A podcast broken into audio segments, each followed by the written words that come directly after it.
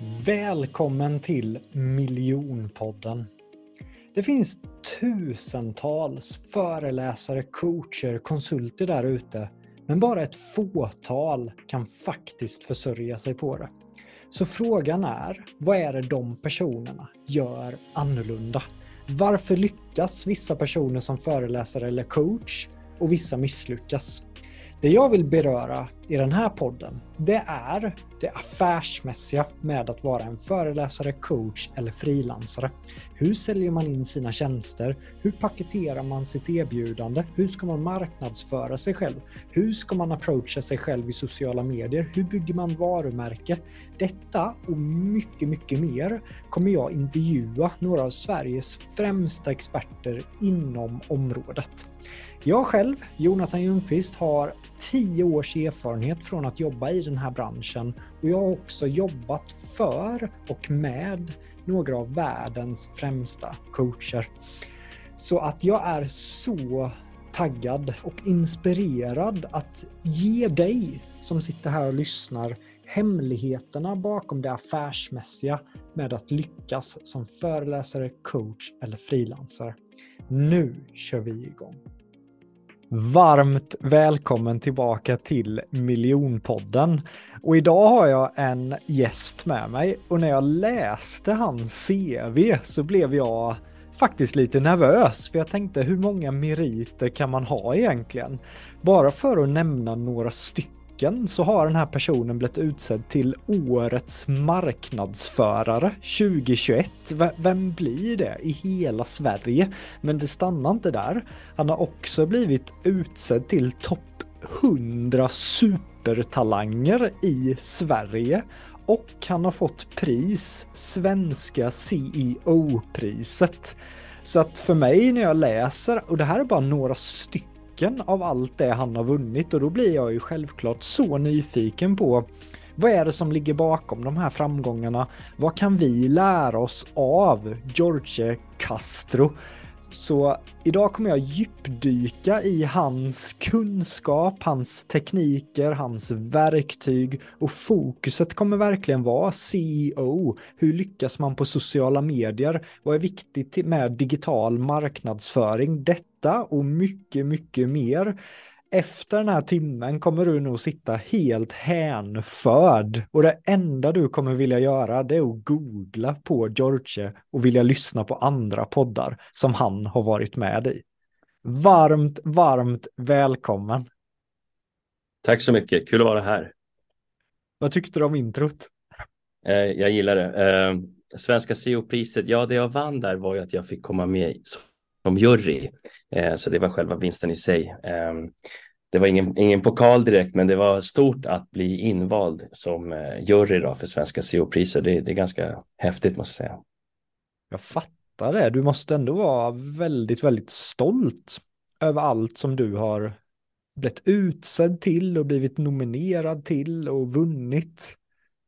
Ja, Ja, jo men det är man, eh, eller ja, på sätt och vis. Jag, jag jagar ju hela tiden mer saker. Jag tycker det är kul och det blir en liten klapp på axeln så att man vill ju alltid vara bäst på det man gör. Har det alltid varit så att du alltid vill vara bäst? Eller vart, vart kommer det här mindsetet ifrån? Jag skulle nog säga att det kommer från eh, min farsa faktiskt. Även om inte vi har så bra kontakt så är han entreprenör i Colombia. Och eh, jag tror att mycket kommer därifrån. Eh, lite av hans mindset, hur han eh, tänker och jobbar och hur effektiv han är i sin, sitt jobb. Och eh, där har jag tagit väldigt mycket idéer och lite av mitt arbetssätt så att jag är lite av en arbetsnarkoman. När börjar du intressera dig för de här grejerna med sociala medier, marknadsföring, försäljning? Var det när du var barn eller ungdom eller när kom intresset? Mitt intresse kom ungefär vid 18-årsåldern. Det var då jag började intressera mig för SEO.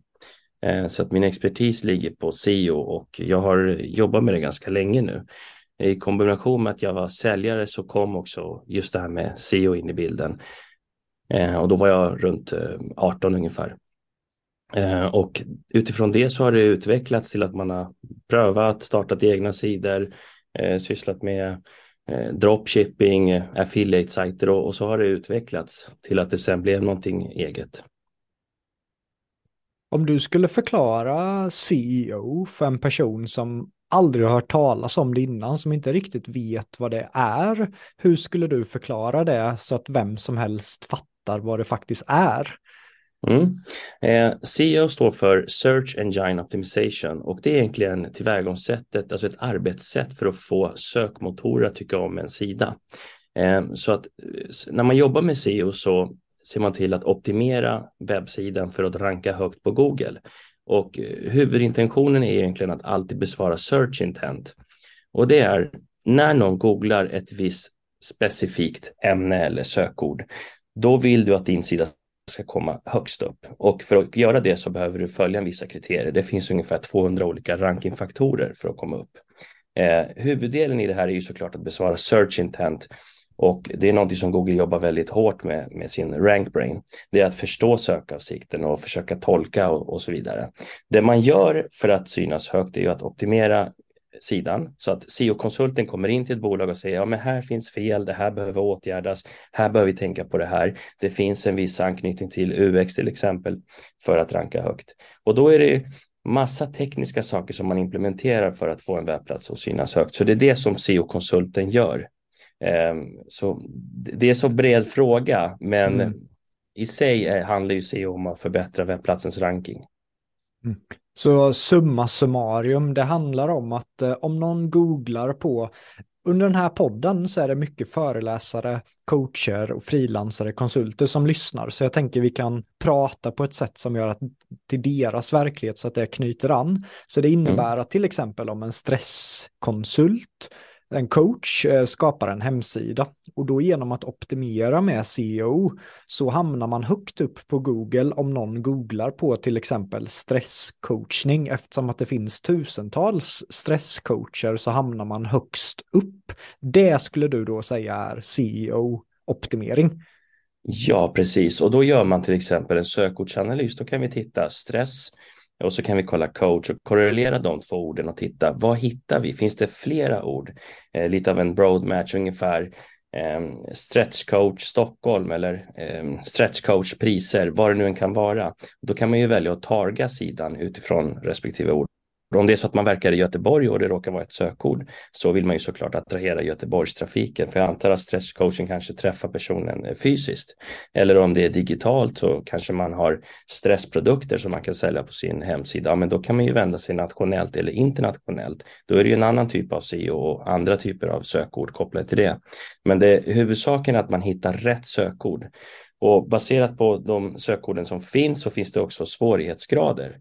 Eh, är det stor Eh, konkurrens så är det väldigt svårt att ranka på vissa ord och finns det mindre konkurrens så finns det sådana här eh, lågt eh, hängande frukter som vi kallar det. De är mycket lättare att ranka på. Så allt beror på vem personen är, hur stor man är, eh, googlas namnet, är det ett varumärke så hjälper det.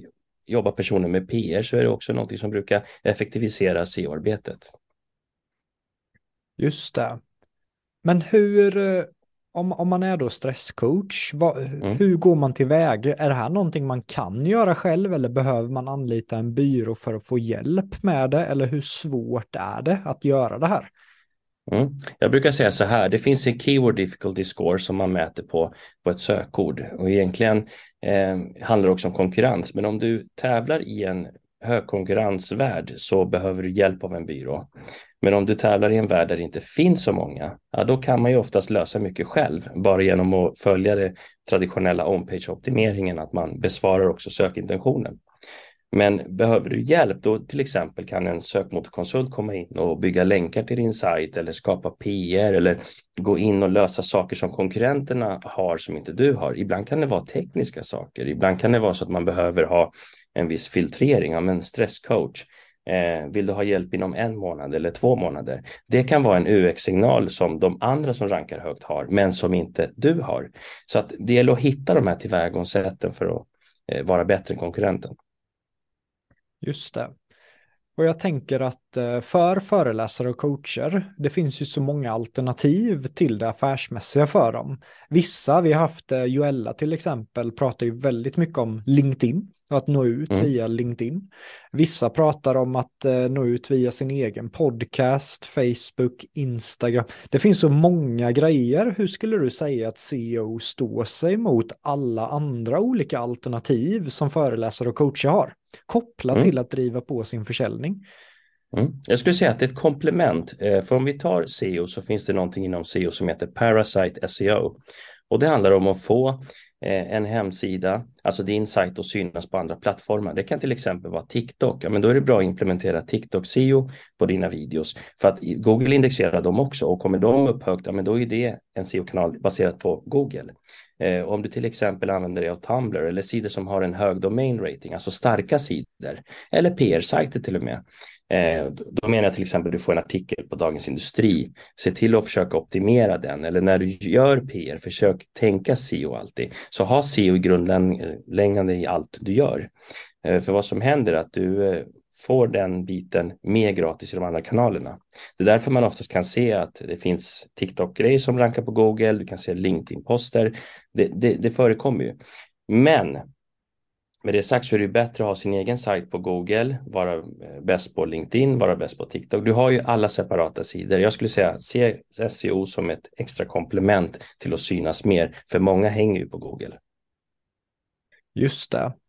Har du något eh, ögonblick i din karriär där du verkligen kände av kraften av det här, där du kände att wow, det här är värt att satsa på?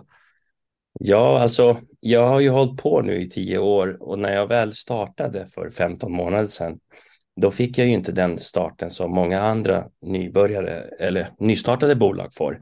Utan jag var ju på fötter första månaden, då bara bombades in kunder. Och det var ju just för att de har dels googlat mig förr. Eh, mitt namn är ju ett sökord på Google för jag har förekommit så mycket i PR-artiklar under min tid som marknadschef på ABS.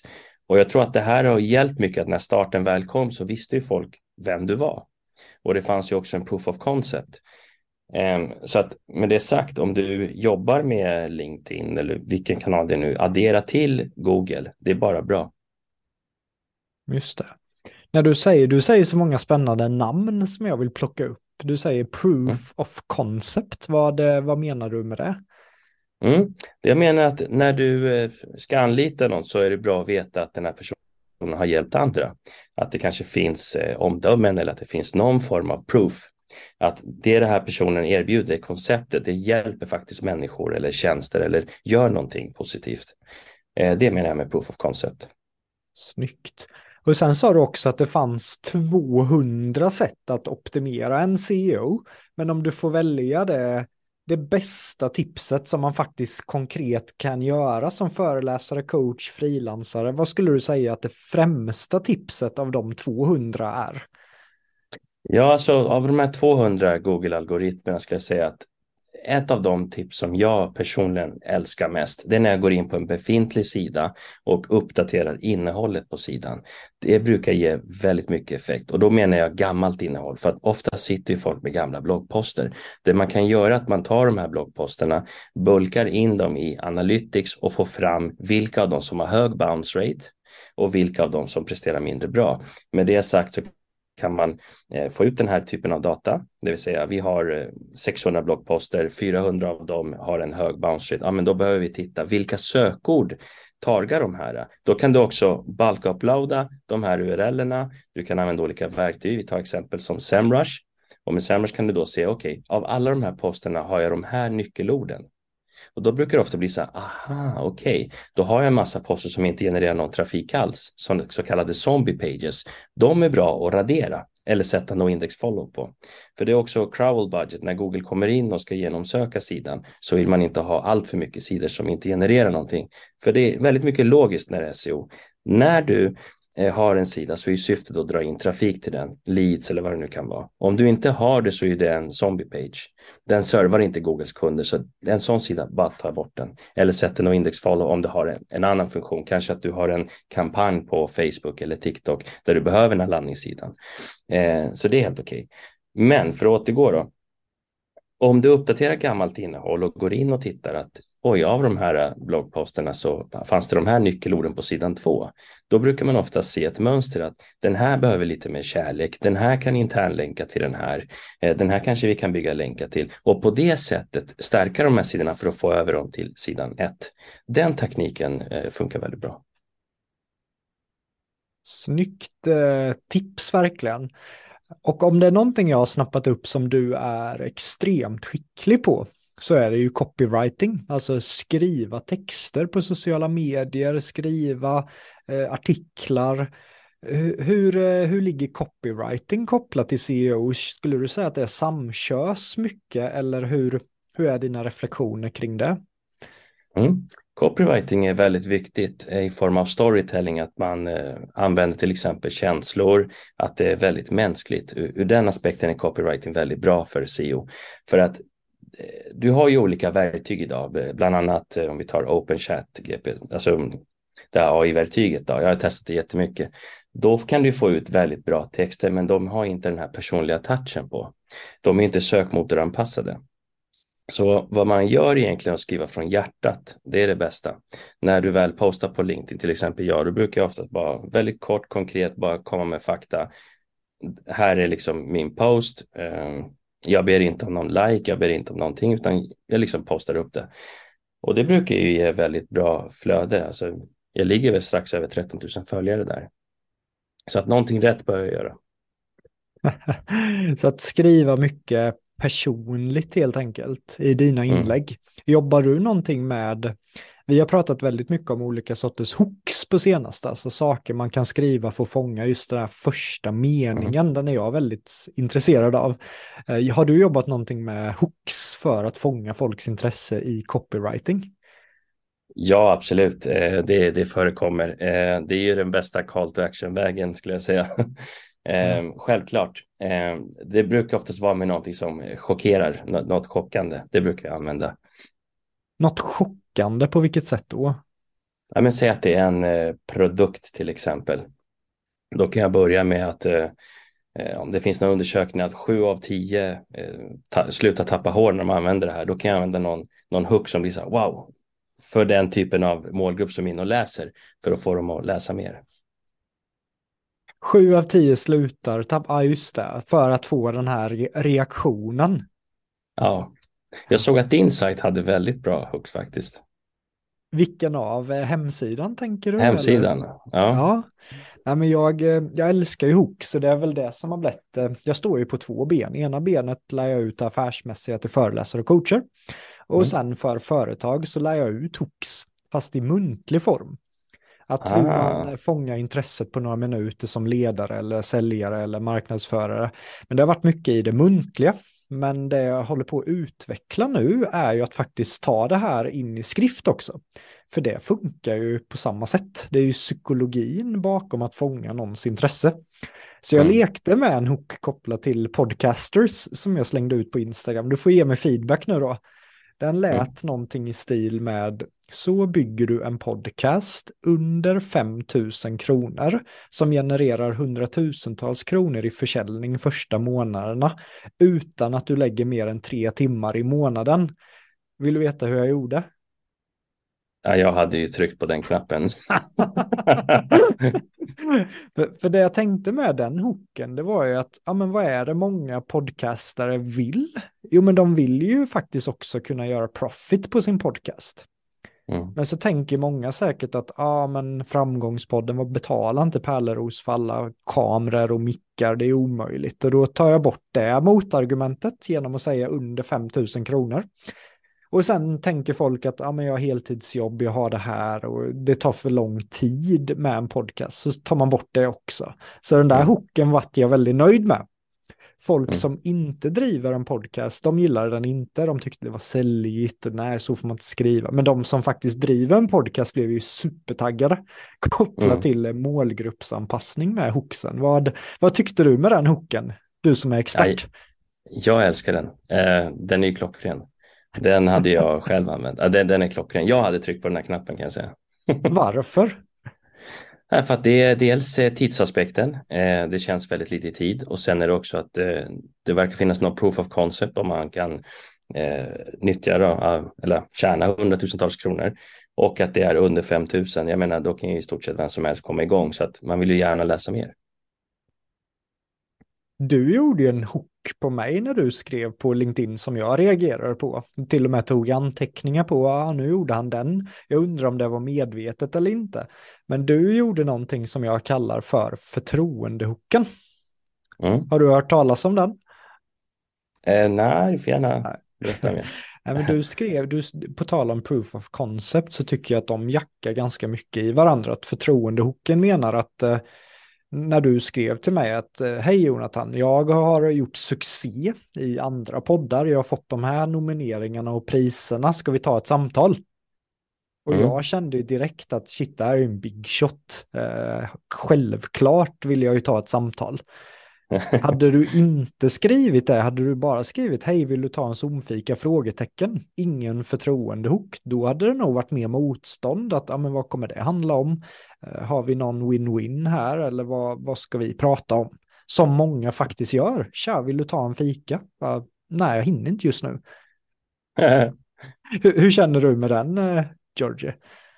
Ja, det är lite läskigt när du säger det, för jag, jag gör det i så fall omedvetet. Eh, så då är det kanske från min säljtid som säljare på Viasat när jag var yngre. kanske kommer därifrån. Oj, jag trodde den var fett medveten ändå, att du tänkte att jo, men det här ska ju självklart vara med. Eh, det kändes som det, men spännande. Ja. ja. Intressant, ja. ja. ja men jag är ju, jag är väl, du är ju också en analytiker på ditt sätt och jag är ju det kopplat till hooks. Mm. det var, nice. Jag läste en bok skriven av uh, Flayden som är den som hjälper de bästa i världen inom webinars med att uh, designa deras webinars och skriva. Och han sa ju det att det folk egentligen betalar för det är ju hooken, alltså vad webbinariet ska heta. Och sen mm. inledningen mm. så att vi hookar dem och sen är det nedförsbacke. Ja, verkligen. Ja, jag kan tänka mig att det är så faktiskt. Ja. Jag har ju massa frågor till dig här. Du säger att du har ju bakgrund inom försäljning också. Mm. Vad känner du är det viktigaste kopplat till bra försäljning? Är det också att vara personlig eller vad, vad känner du där? Jag skulle säga att lyssna mycket, att vara personlig och att göra en behovsanalys så att det faktiskt finns någonting som kan hjälpa personen i fråga. Med behovsanalys så menar jag att ställa frågorna, eh, behövs tjänsten? Eller om det är, som säljare så ska man såklart skapa behovet. Ehm, men jag tror att min del när jag, jag skulle väl inte säga att jag är så bra på att sälja, utan jag är mer att jag, jag gillar att berätta om fördelarna. Det kanske är min, min hook, om jag nu får kalla det så. Resultathooken. Resultathooken, ja. Att du, att du pratar om fördelarna med CEO då till exempel. Ja, och så kan jag påvisa då att det här är dina eh, konkurrenter, så här syns de och så här syns du. Eh, då brukar man också, eh, då brukar oftast den potentiella kunden också se värdet av CEO. Oftast ser man också att oj, de här är ju större. Ibland händer det att det är mindre bolag som har mer trafik, men de omsätter mycket mindre. Ibland finns det stora varumärken till exempel som man jobbar med som om du tar en bank, då har de väldigt mycket eh, branded search. Och så kanske du har en mindre startup som vill tävla, men då har de ju inga branded search. Då får de ju hitta långtillsök. Eh, för att dra ett exempel. Just det.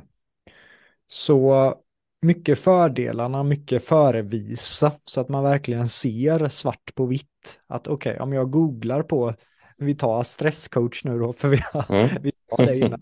Men om jag googlar på stresscoach så kanske personens konkurrenter dyker upp högst upp och så får de se det och så kan du prata om det. Är det, är det så du menar då? Eh, ja, absolut. Och då vill man ju också ta fram datan bakom för att kunna eh, påvisa att de har kanske eh, de här 600 orden och, och person nummer två har 100 ord, men du har bara 20 ord. Lite så. Just det. Och då kan man också se vilka som faktiskt jobbar med CEO och vilka som inte jobbar med CEO. Och sen Verkligen, oftast ser man det. Ja, spännande. Det här begreppet med som dyker upp mycket när man googlar på det, growth hacking, vad, vad är det för någonting? Mm. Growth hacking skulle jag säga är ett mindset, ett tillvägagångssätt att arbeta. Att man alltid tänker lite snabbare vägar in för att nå resultat. Eh, med growth hacking kan vara till exempel, jag behöver e-postadresser. Då kan man skapa en eh, landningssida som i syfte att ranka väldigt högt där svaret för att ge ett svar behöver eh, personen som kommer in ge ifrån sig mejladressen. Och då kanske du samlar in några tusen mejladresser. Det skulle jag säga är ett growth hack till exempel. Än att eh, traditionellt sett kanske ringa en byrå och köpa en massa e-postadresser. För att dra ett enkelt exempel. Så en, eh, en form av lead magnet då för att samla e-mailadresser? Kan vara, absolut. Eh, growth hacking går att implementera på mycket annat. Eh, en annan grej man kan göra till exempel är att eh, om du använder dig av regnummer till exempel på en bil. Du kanske mm. vill veta hur många är det som eh, söker den här typen av bilar när de slår in i det här systemet. Då kan du få ut den datan väldigt snabbt. Där kan man också göra i form av att man drar in väldigt mycket trafik till den sidan för att få ur den här datan. Så att eh, just growth hacking, jag skulle mer kalla det ett, eh, en arbetsmetodik. Mm. Till att jobba smartare. Ja. Det låter ju som att du använder dig av många olika sorters system för att få ut data, för att undersöka. Vad är det för system du jobbar med som faktiskt en vanlig föreläsare, coach, frilansare också skulle kunna implementera i sin business? Mm. Det finns eh, en hel del som vi använder inhouse på byrån, men om man tar det som skulle vara prisvänligt så skulle jag rekommendera eh, Ahrefs. Det är ett bra verktyg. Dels för att ha koll på konkurrenter, eh, för att ha koll på sig själv, för att ha koll på vilka ord man har och dels också för att ha koll på vem, eh, vilka ord har eh, Eh, konkurrenterna konkurrenten och när fick de orden eller eh, vilka länkar har de? Vilka länkar har inte jag? Och där kan man också se så här, men oj, vad många länkar konkurrent A har och konkurrent B har, men jag har ju hälften av de här. Då kan man också dra ur den här datan och försöka targa samma typ av länkar. För du får ju tänka att en länk ses ju som en röst av Google och länkar är ju en väldigt viktig rankingfaktor. Länkar menar du sidor då? Ja, låt säga vi tar den här stresscoachen. Att han, han eh, tittar på den andra stresscoachen i, eh, i samma stad säger vi. Och han ser att han har väldigt mycket länkar, kanske från en skola, kanske från andra företag som, som har tagit hjälp av den här stresscoachen. De har kanske länkat ut till den. Och du själv sitter inte med länkar, men då vet du ju att det finns en del att göra. Då, då går det ganska snabbt för dig att tänka, okej, okay, jag behöver kontakta mina kunder och kolla om de kan länka till mig. För jag ser att min konkurrent får det. Det kan vara ett exempel. Och får du länkar så ses det som röster av Google, för då tänker Google att ah, på den här sidan så det, det är många som eh, röstar på den kan, kan vi säga. Just det. Nu får jag själv egna idéer här. Till exempel, jag jobbade med Fagerhusbelysning förra veckan och de har ju mm. väldigt hög trafik till sin hemsida kan jag tänka mig. Mm. Så det skulle alltså innebära att jag, hej, skulle ni vilja göra en kort post om att jag har varit hos er och kört? Ja, gud ja, det är jättebra. Det, det, dels för att det är en branded mention, de kommer nämna dig, du är ett varumärke. Eh, du kommer få en länk troligtvis och du kommer komma upp i SERPen, så när folk googlar mer information om dig så kommer det där vara ytterligare en grej som hittas i Googles topp 100. Snyggt, då fick jag ju själv här, inte bara stresscoachen utan jag själv plockar åt mig det här och ska höra av mig till dem. Snyggt. vad, eh, vad är det största misstaget känner du som många som blir intresserade av det här med CEO och hela rubbet? Vad är det största misstaget många gör när de kliver in i den här världen som jag ändå kan tänka mig är ganska förvirrande första gången, första tiden som man djupdyker inom det? Ja, första, jag skulle säga det största misstaget är att företaget inte har tiden eh, för att jobba med SEO eller tiden att lägga ner på det. Eller ett annat misstag också att bolaget som kommer in kanske eh, har en junior person som håller i SEO-biten tillsammans med alltså oss konsulter. Eh, och då måste ju varje sak vi ber om, till exempel vi behöver implementera in den här koden, då måste personen då gå till organisationen, få OK av en chef för att sen IT ska kunna göra det här och så blir det en planering och det blir en massa tid eh, som egentligen ja, är onödig tid. Den här typen av tid som jag kallar den onödiga tiden, den brukar förstöra väldigt mycket i form av att det tar längre tid att få resultat. Men om man är snabba på bollen och kör implementeringarna direkt, då brukar det oftast gå ganska snabbt och få resultat. Så att mycket hänger också på företaget. Alltså att bolaget har den kapaciteten att implementera sakerna vi konsulter ber om. Eh, för annars blir det så här, men lös det här felet, så här löser du det. Okej. Okay. Och så går det kanske en månad. Ja, då är det fortfarande en månad som har gått och det har inte blivit löst. Och då kommer vi se och konsulter oftast komma in med kanske, eh, ja, ibland är det upp emot hundratals fel. Mm. Jesus. Så att den är jobbig och jag vänder mig till väldigt stora bolag. De flesta som vänder sig till growth marketing omsätter över 100 miljoner. Så då är det oftast e-handlare. De har ju kanske ja, tusentals URL så du kan ju tänka dig hur mycket fel man, man hittar när man gräver. Ja, det är ju inte det man vill ha inför julledigheten. Tusentals fel. Nej. Så du, så du vänder dig till 100 miljoners eh, företag och jag menar företaget hade funnits hur länge? Eh, vi har funnits i, oj, vad blir det, 15 månader. 15 månader bara ändå. Så mm. berätta gärna, för 15 månader sedan slog ni upp dörrarna till growth marketing. Hur fick ni första kunderna? Mm. Jag var ensam när jag startade. Jag hyrde ett sånt där konvendumkort så jag kunde ja. sitta på de här öppna miljöerna. Och eh, när jag väl gick ut på LinkedIn om att jag hade lämnat eh, ABS Wheels så vart jag kontaktad av en del medier och sen så ska jag också flika in här att jag har ju skickat en del PR om att jag skulle sluta också. Så att det blev, eh, jag tror att det var ungefär 15 tidningar som skrev om det här. Och det skapade ju en stor hype samtidigt som mitt inlägg då fick över 400 likes på LinkedIn.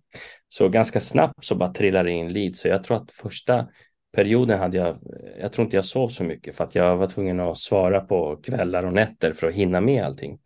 Och eh, mina dagar första månaden skulle jag säga bestod av möten, mycket möten. Och då satte jag mina första avtal eh, med olika bolag och då var det ju, men vi ska jobba sex månader, nästa bolag satte vi på tolv månader och då såg jag ju en forecast framför mig att det här kommer komma in en inkomst. Då behöver jag också eh, ta in eh, två proffs till i teamet. Så vad jag gjorde är att jag tog in eh, två pers och eh, tillsammans så har vi ju eh, krigat oss fram då eh, för att vara där vi är idag.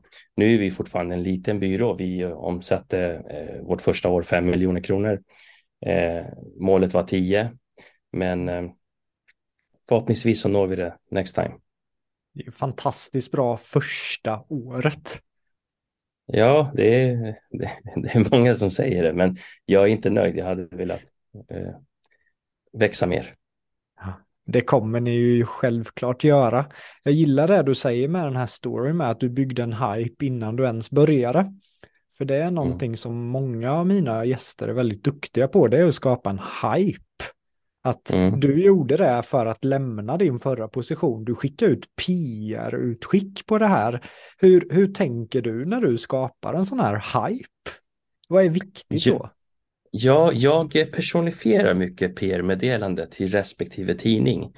Eh, jag vet inte om det är medvetet eller omedvetet, eh, men som när jag kontaktade dig så handlar det om trust. Och när jag skickar ut det här då så anpassa det till, till den tidningen. Att, amen, jag ser att ni brukar skriva om det här. Eh, ja, det här har hänt mig och jag kommer att lämna så och så, så och så lämnar jag liksom ett pressmeddelande och ett foto. Sen går jag till nästa och tittar, men vilken typ av eh, nisch har de? Hur ser deras publik ut? Då brukar jag oftast ta de här verktygen och gå in och titta. Vad har de för sökord? Och så får jag en liten eh, bild i huvudet på mig vad de targar. Och så försöker jag anpassa det PR-meddelandet och gå vidare och sen gör jag det bara systematiskt. Snyggt. Det där skulle jag ju vilja analysera dina texter så man verkligen fattar exakt vad det är. Eh, jag går igång på sånt när folk lyckas med saker och säger ja men jag tror jag gör typ så här och så här. Jag, bara, äh, jag, vill, jag vill ha facit. Ja, okay. Du får gärna kolla men, sen. men det jag snappar upp är ju ändå att istället för att skicka det här klassiska som många gör som vill nå ut, att eh, man skriver samma e-mail till hundra tidningar och skickar ut. Då oh. får man ju det här spamkänslan direkt. Det får man på LinkedIn med när folk skriver. Man märker att okej, okay, men det här har folk skickat till massa personer. Men du däremot, du går in på sidan. Vad skriver de om? Vad, vad, vad är viktigt för just den här tidningen? Vad är temat på den här tidningen? På samma sätt mm. som med min podd. Vad är temat på min podd? Och sen mm. anpassar du dig utifrån väldigt individuellt, vilket ökar din träffsäkerhet till att folk verkligen får upp intresset för dig? Ja, man får vara lite av en kameleont skulle jag säga, anpassa sig. det här pratade Sandra-Stina, vi släpper hennes avsnitt eh, imorgon. Hon pratar också mycket om det här med just ord, vilka ord använder kunden, tidningen, så att man kan synka det, så att man talar mm. samma språk. Ja, intressant avsnitt, den ska jag lyssna på sen. Ja, det var ett eh, fantastiskt avsnitt. Men det är det här också. Ja, tack. Uh, ska vi se här, vi har täckt där, men uh, jag är nyfiken mer ändå på din, din story. Så du var inspirerad av din far. Du mm. är en ung, ambitiös, driven man där. På gymnasiet kan jag tänka mig. Vad, eh, vad hände efter gymnasiet för dig? Hur har din resa sett ut till tills du kom hit där du är idag? Ja, om vi tar gymnasietiden så gick jag i programmet, eh, det heter Entrec, entreprenörskapsprogrammet. Och då handlade det om att man skulle lära sig att starta eget på tre år. Så det var så här specialutformat program som jag gick. Eh, superbra lärare. Det fanns en kille som hette Mikael, huvudläraren där. Fantastisk människa. Och jag har lärt mig väldigt mycket genom honom i form av eh, det här företagarens mindset. Ja, men lite bokföring, lite förståelse av sådana saker som behövs. Och eh, vad jag minns är att vi startade någonting som vi kallade Clean som var sådana här toapappers. Om du tänker när du går på toa idag så ska du ju sätta dig och oftast lägger man ju papper runt när man är på en offentlig toa för det känns äckligt och så vill man sätta sig på pappret. Jaha. Jag tror många känner igen sig i det. Jaha. Och då tog vi fram sådana här eh, toasitsar som var gjorda av papper som man kunde ha i handväskan som en necessär, pyttelitet, bara dra ut den, sätta den och sen sätta sig. Vi tog in så här, tusen stycken sådana, eh, om jag minns rätt, från Kina och eh, vi sålde slut alla på den här mässan, eh, UF-mässan som det heter. Då, då fick jag det här nyset om företagen. och tänkte så här, wow, det här är något jag vill hålla på med, jag tycker det är skitkul. Och så gick tiden, man slutade gymnasiet och man kom ut till sin, bland sina första jobb. Då var jag ju på ABS som säljare. Under tiden där som säljare så hade jag ju eget vid sidan om och drev tandblekning. Så jag sålde tandblekning online, sålde det företaget, köpte min första bil och eh, eh, ja, körkort. Körkortet först såklart. Mm. Eh, och eh, efter det så eh, startade jag en mindre byrå där vi gjorde lite enklare SEO, hemsidor och lite sånt träffade på Andy i ett café, ägaren av ABS Wheels. Han eh, omsatte då ungefär 25-30 miljoner, något sånt, och eh, skulle ge sig ut i e-handeln. Och så sa han till mig eh, en dag när vi sitter där att ah, men jag vill eh, eh, anlita dig typ och ja, lämna det du gör. Så, så gjorde jag det och kom dit. Så fick jag min roll som marknadschef och eh, tog bolaget från 30 till 130 miljoner med hjälp av SEO och growth marketing. Och eh, sen med det så har det kommit lite priser på vägen och ja, lite sånt. Och eh, sen står jag här idag. Jag sa upp mig för ett och ett halvt år sedan. Alltså herregud alltså. Bara det du droppade där i slutet, men jag tog dem från 30 till ja, 130 miljoner. Ja, det finns ett, ett eget avsnitt om det där faktiskt eh, på, oh, vi ska se vad heter den podden, eh, e-commerce success. Då gästar både jag och eh, ägaren. Där pratar vi mycket om det här. För de som men, vill lyssna mer. Men framgångskonceptet var alltså CEO? Ja, eh, CEO var framgångskonceptet för att det fanns ju ingen trafik alls i stort sett. Så syftet var ju att få in trafiken, eh, dra in kunder Grattis! Ja, tack. men, men även där när du lyckas med den här enorma bedriften, har du, har du alltid haft det här, men det kan ändå bli bättre. Jag är inte nöjd. Ja, ja, ja. Oh ja, stackars min fru. Hon tycker jag är psykopat när det kommer till sånt, för jag blir aldrig nöjd eh, när det kommer till företagande eller eh, något kundsresultat. Jag kan sitta med en kund så säger de, ja, men vi har ökat 6% nu. Eh, är det bra Jorge? Då säger jag sen, nej det är skitdåligt, vi behöver göra mer. Och så tänker jag inte på mig själv så här, men jag, jag låter ju dum i huvudet när jag säger så. För att jag vill ju hela tiden jaga mer. Eh, så att jag tror att mitt problem är att jag, jag blir aldrig nöjd. Jag tror inte jag kommer bli det heller. Det är väl, ja. ja det, det är jobbigt. Ja, för jag, jag var ju likadan innan det här med, jag satsade ju två år av mitt liv med att vinna SM-guld i tal. Oh, så jag nice. åkte till Brasilien på träningsläger. Jag kom ju tvåa första året och blev så jävla nere. För jag kände att så här värdelöst att komma tvåa i mitt prestera-huvud. Eh, så jag gick ju all in, jag pluggade teater, jag, eh, ja herregud, jag la så mycket tid på att bli svensk mästare. Mm. Och sen eh, lyckades jag bli det efter två års tid då. Så vann jag SM. Wow. Och Amanda sa att hon hade ju fått stå ut med mig i två år. Och Amanda sa, ja men herregud Jonathan, kan du nu slappna av och vara glad? Mm. Och jag kände efter och kände att, hmm, är jag glad? Det enda jag hörde i mitt huvud var, ja men VM, Sven Sverige, det är ju bara skit. Nu ska du fan vinna. det är det som räknas. Sverige, det är ingen... Och så helt plötsligt kom jag på mig själv att inte fira någonting som jag har köttat på i två år. Inte känna någonting och då blev jag faktiskt ganska rädd att oj, undrar om det här är hälsosamt, att det har ju lett mig till resultat, men jag mådde inte bra i det. Eh, och där påbörjades min resa med Tony Robbins, självledarskap eh, och det har blivit, jag har fått mer kontroll på presteraren i mig. Men samtidigt när jag pratar om dem med de mest framgångsrika människorna så, så är de ju ofta, men som du, att de jagar det här, men, men det kommer ju till ett pris, så är det ju. Mm, mm, ja, jag får nog gå hos dig. Inte hos mig kanske. Jag, jag gick ju med, eh, jag gick ju all, vet du vem Tony Robbins är? Ja, ja, gud ja. Han är grym. Så, Ja, herregud. På tal om funnels också, det måste vi prata wow. om med, men han, hans funnels är ju väldigt starka. Så jag ja. åkte till London och gick hans kurs där och det var ju hans grundkurs och sen hamnade jag i hans funnel så jag bara fortsatte köpa grejer så jag var i Florida på Date with Destiny och jag liksom följde honom till the end of the world kändes det som. Men, ja. men framförallt priming. Att, mm. äh, att varje morgon sitta ner, på med lite DV Prayer och tänka en kvart tacksamhet, eh, sen en mm. fem minuter stolthet och bara landa i det. Att okej, okay, mm. men vad är jag tacksam för idag? Nej, men jag mår bra. Jag eh, har en fantastisk partner i Amanda. Jag har en son som är åtta månader nu och som har verkligen pumpar sig själv med det man är tacksam över. För det hade jag mm. aldrig mm. gjort innan det. Mm. Och jag kände att när man fick in Ja, men man fick in de här ritualerna och mer och mer den här klumpen i magen av den här prestera-klumpen började släppa. Jag tycker att den resan var värt, värt det mm. jobbet. Så... Ja, det är kul. Du verkar ju må jättebra också, så det har gett effekt.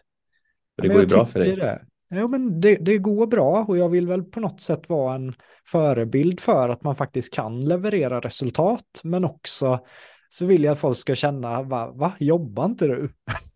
Ja. jag är ju hemma med min son jättemycket och spelar paddel och, och, så, så att jag vill kunna vara som en, ja, men som en förebild där, att en högpresterare men också en närvarande familjefar. För många där mm. som jag tog rygg på var antingen eller, antingen var de för mycket chilla banana och mm. inte hade några resultat eller gick framåt. Eller så var de sådana högpresterare att de tappade ju sina relationer.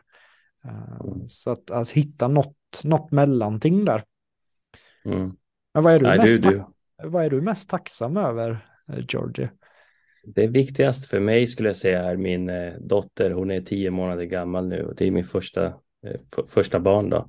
Så att det, jag ser fram emot alltid att träffa henne på kvällarna och det, jag skulle säga det är min svaga punkt svaga punkt?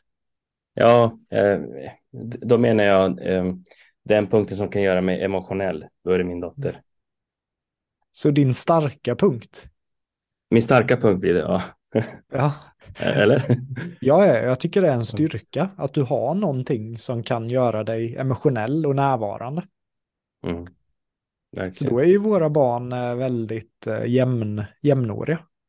Ja. Jämnåriga, du... jäm, jämnmånaderna. Ja. har, har, du eh, fler barn eller första? Det var bara ett än så länge.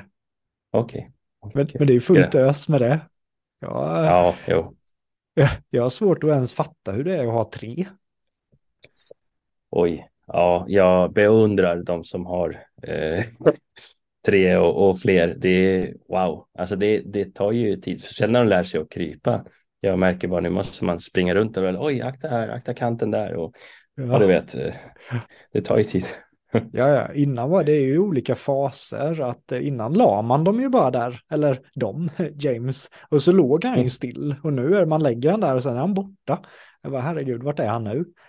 Ja, verkligen. Och tidigare minns jag också att jag var ju alltid nojig så här. Eh, andas du? För de låg så jättestilla och bara tittade. Ibland så här, fick jag peta lite med fingret. Ah, Okej, okay, ja men bra, det lever. Jag var ju så rädd för jag hade läst om det här med plötslig spädbarnsdöd. Så jag gick runt och var asnojig över det där.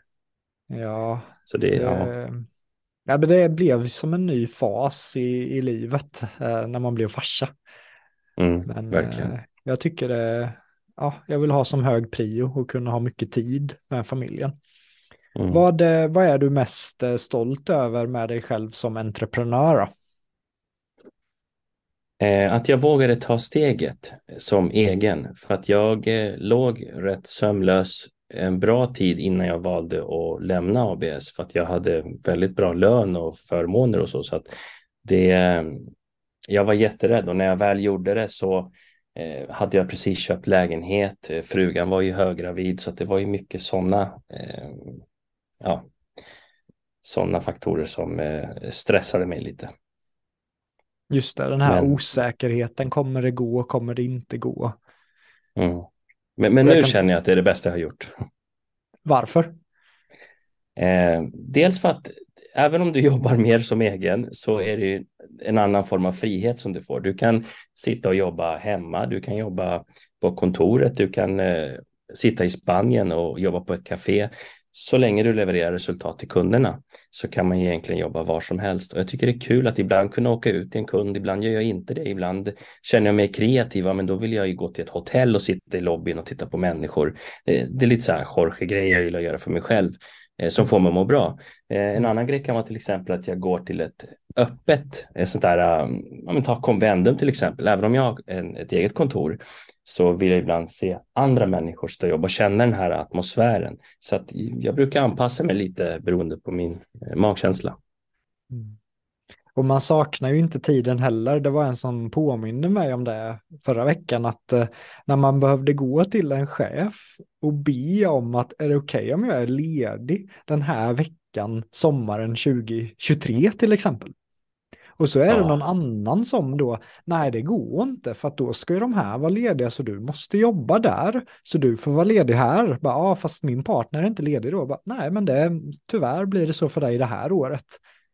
Ja, jag vet, det där suger alltså. alltså herregud, när man tänker tillbaka på det och den friheten entreprenörskap ger när det går bra. Så mm. där har man ju mycket att vara tacksam över alltså. Mm. Ja, du, du har helt rätt. Mm. Vad, eh, vad är ditt tips till unga personer eller, eller personer i allmänt som är taggade på att ta klivet och bli egna, säga upp sig från den här tryggheten? Vad är, vad är ditt tips till de här människorna till att satsa på sin entreprenöra resa? Jag skulle säga, se upp er. Eh, se till att spara i alla fall en månads buffert för då har ni 30 dagar på er att känna kniven mot strupen och då kommer ni gå all in. Eh, så att inte ni säger upp er och är bekväma och inte jagar leads exempelvis. Det jag skulle säga är att eh, bara ta det steget. Det låter enklare än vad det är, men det är värt det. För vad är det värsta du kan förlora? Du går tillbaka bara till ett annat liknande jobb. Mm. Det menar, när, när, när, du sa upp dig, du hade säkert kunnat fått på vilken byrå som helst när du hade sagt att jag tog den här byrån från 30 till 130, vill ni ha mig? Mm. Jo, alltså under årens gång så var det ju många sådana som hörde av sig på LinkedIn, eh, bland annat en chefsposition på en eh, bank som marknadschef. Jag tackade ju nej mycket just av eh, kanske så här dum lojalitet som jag kände då, men nu i efterhand så är jag ändå tacksam att jag ändå tackat nej och, och gått vidare. Men eh, jag tror så här, det, det kommer kräva mycket för mig att gå tillbaka till ett vanligt jobb. Eh, jag, jag, tror nog jag aldrig kommer göra det. Och det är inget fel med ett vanligt jobb, utan det är bara att det, det passar inte mig. Mm. Jag har insett det nu. Och, och, det är ju turen då att eh, alla är ju inte som oss, alltså entreprenör, då hade ju inte samhället riktigt fungerat. Så för vissa människor är ju ett fast jobb det absolut bästa. Med, med trygghet, mm. med struktur, med arbetskollegor, att vara entreprenör. Det är också ett form av äventyr i vissa år. Kanske det går bra, vissa inte bra ovisshet ibland. Nu kommer en pandemi, nu tappar man kunder. Så att så är det ju verkligen att entreprenörslivet passar ju inte alla. Mm. Jag hade en kompis. Ah, förlåt, kör du. Spännande du säger, för jag hade en kompis som sa till mig, han är också egen, så sa han, att vara egen, det är som att gå runt med ångest i magen 24-7. Även fast det går bra så vill man ändå att det ska gå bättre. Så att man har ju alltid någon form av ovisshet i magen och då skrattar jag så här, ja, jag, jag förstår exakt vad du menar. ja, men jag, det du sa där med 30 dagar, det, det gav mig så här, det hade jag nog inte vågat säga till mina kursdeltagare, för då är det ju som att eh, om det inte går bra då så kanske de har slutat jobbet och 30, sen kommer de till mig och bara, vad fan Jonathan. Så jag brukar rekommendera att man har lite mer eh, tid, men samtidigt så fattar jag psykologin som du menar här att ja, men då, då behöver du ta action då kan du inte lägga dig på soffan och bara halvdant jobba, utan om du har 30 dagar buffert så är det ju massiv action som krävs. Så att jag, jag personligen gillar ju det också. Ja, jag tänker det, för då blir man ju den här tigen, ut och slåss, ut och jaga ditt kött och, och gå framåt. Tigen alltså, jag ser, ser dig för 15 månader sedan som en riktig, riktigt lejon. Ja, jag skulle säga att eh, innan det steget kanske var en liten katt. Sen så blev det ett lejon. För jag, Sen jag blev var ju ett lejon. Ja. ja. Nej, men jag, jag, läste en, en bok som jag har lyft säkert i podden, men den var skriven av Dale Carnegie. Och han skrev en bok om oro. Så när jag cyklade till eh, Tanzania från Sverige när jag var 20, då var jag fett wow. orolig. Så här, kommer jag bli uppäten av lejon? Eh, nu är jag i Sudan, det är, hund, det är 100 mil genom öken, det är bombattentat i Etiopien, al-Shabaab går i. Det var så mycket som hände under det halvåret när jag cyklade. Så jag läste ju en bok då om oro, eh, som jag inte visste då var ju en av världens kändaste personer inom oro. Så jag bara primade mig själv med den, men det fanns ett kapitel där det stod Keep your supply lines open, alltså från krigsstrategier, när man också ger sig an att följa sin dröm. Och syftet med det var ju att eh, om jag till exempel har ett jobb i Försvarsmakten så ja, men håll fanan högt när du slutar, ha, håll den dörren öppen ifall du behöver gå tillbaka till ditt förra jobb. För vissa mm. avslutar ju sina jobb med en ganska så här oskön approach att ah, fuck you, nu drar jag. Men att faktiskt avsluta med flaggan i topp på de arbetsplatserna som man är på så att man har, om det inte går så bra med sin entreprenöra dröm, att man, man då är välkommen tillbaka. Och så mm. har jag försökt tänka på mina jobb som jag har slutat, att jag vill göra succé på de jobben och jag vill känna att det finns en välkomst-vibe tillbaka. Är det fek mm. tycker du att tänka så som jag nu föreslår eller vad, vad är din känsla kring, kring det? Jag, jag, tycker det är jättefint, eh, för det, jag tänker likadant där. Det, man ska aldrig stänga dörrar utan avsluta på topp, leverera det sista du behöver, tack och hej och så, så ligger man liksom eh, en bra vibe hos alla man jobbar med. Så att mm. jag, jag håller helt med dig. Mm. Ja, men den, eh, jag tycker att det känns skönare mentalt att okej, okay, men om mitt företag går upp i brand nu, ja men då kan jag troligen jobba med David Phillips igen. Ja. Mm, Topp 8 i världen, jag hade ett drömjobb hos honom. För mig var det väldigt okay. viktigt när jag lämnade David att eh, ja, verkligen lämna med flaggan i topp, god relation. Och David sa ju det till mig att eh, ja men du är välkommen tillbaka Jonathan och då var det som något släppte. Och jag kunde sedan satsa på mitt egna, för jag är ju som du där, att jag vill ju se vart, hur långt kan jag ta det här framåt? Jag vill inte fastna. Mm. Så fort någonting stannar upp, blir för enkelt, då, då tröttnar jag. Mm. Ja, men du är ju grym. Vad gjorde du på det företaget? Vad jobbar du med där? Med David. Mm. Jag, eh, jag gick ju Davids kurs när jag var, det var den första kursen inom kommunikation när jag var 19 ungefär. Okay. Då, då ville jag ju börja föreläsa för att jag ville satsa på att bli äventyrare. Så jag tänkte jag behöver lära mig det hantverket. Och jag var kass på det. Alltså jag hade ju scenskräck deluxe. Eh, så jag googlade, Oj. hur lär man sig att tala? Och då kommer David upp i sök kopplat till CEO. Fett. Eh, så då var, det, då var det hans kurs som kom upp. Så då gick jag hans kurs som, som 19-åring. Och sen höll vi kontakten lite grann. Och han tyckte jag väl var rätt, eh, alltså när jag sa att jag ska cykla till Tanzania, då tror jag inte David riktigt trodde på mig. Men han såg att jag faktiskt lyckades med det, att jag inte bara var en person som snackade, utan jag gör ju det jag säger. Så när jag sen började tävla i att hålla tal så, så connectade jag tillbaka till David och fick tips och råd och han hjälpte mig inför finalerna. Och han såg väl någon i mig som var lika, inte riktigt lika driven som honom kanske, det är väl knappt någon jag har träffat, men tillräckligt driven för att eh, han skulle känna att jag skulle kunna köra hans material kopplat okay. till kommunikation och presentationsteknik. Så jag gjorde en audition hos David och blev juniorkonsult till att börja med och körde hans steg 1-kurs inom presentationsteknik och där var det mycket med rösten, kroppsspråk och de här delarna. Men sen efter ett halvår så sa David, vill du bli operativ chef för hela bolaget? Wow. Och jag sa nej, eh, för jag kände mig, jag är ingen ledare, jag hade massa sanningar i huvudet och bara nej, det, det, det är jag inte redo för. Men då drog han någon story om att han, när han var ännu yngre än mig, hade han varit ännu högre chef med andra. Så, så jag bara, ja, jag kör. Så jag blev operativ chef för, för hela bolaget ett tag och eh, roddade med det. Det var ju fullt ös. Det var min första riktiga ledande befattning. Men jag tyckte wow. att själva utbildningen, att, att få vara med David, jag var ju med 20 wow-kurser till exempel som hans assistent. Mm. Och en wow-kurs är tre dagar. Oj. Så, det var ju 60 dagar där jag sitter och hjälper David och coachar dem som är där. Sitter och kollar på David, vad är det han gör? Eh, så att eh, jag lärde mig otroligt mycket under de här tre åren.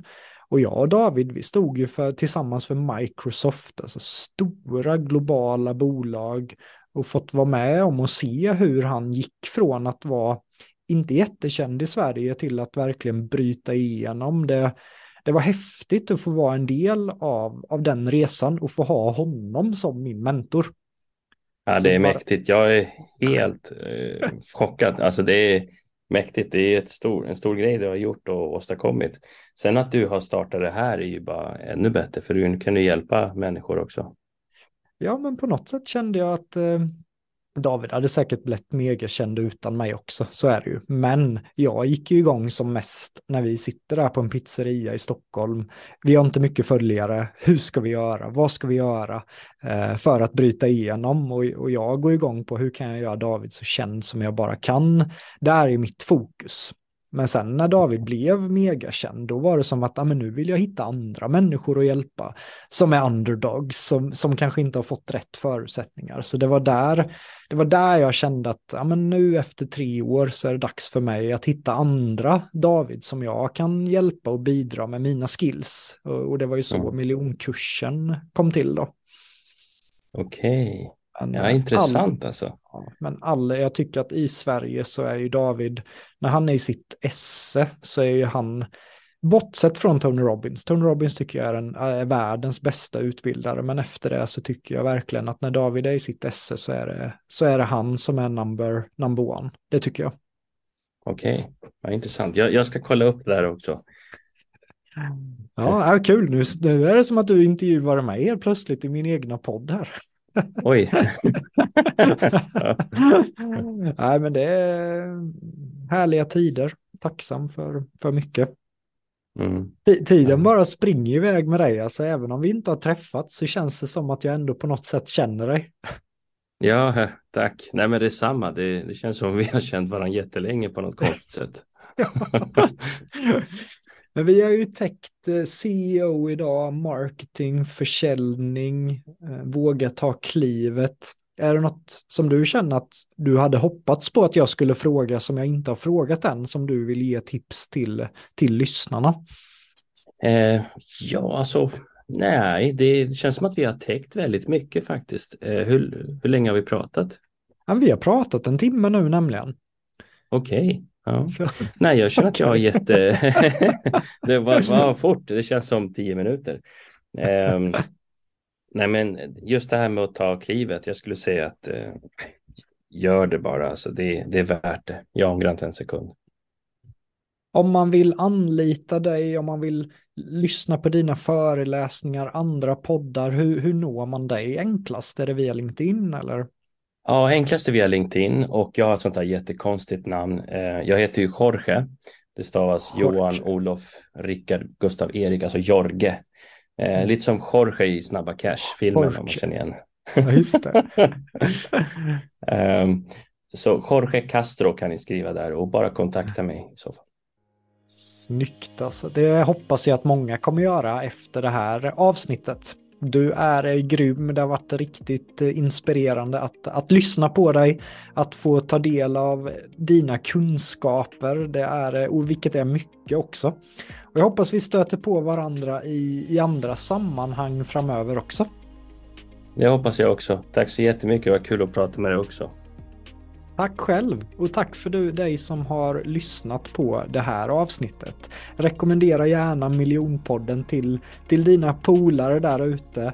Och eh, tillsammans kan vi verkligen växa och det är så kul tycker jag att vecka in efter vecka ut kunna intervjua framgångsrika personer som har lyckats med det affärsmässiga kopplat till försäljning, marknadsföring, föreläsningar, coachande. Ha det jättebra allihopa!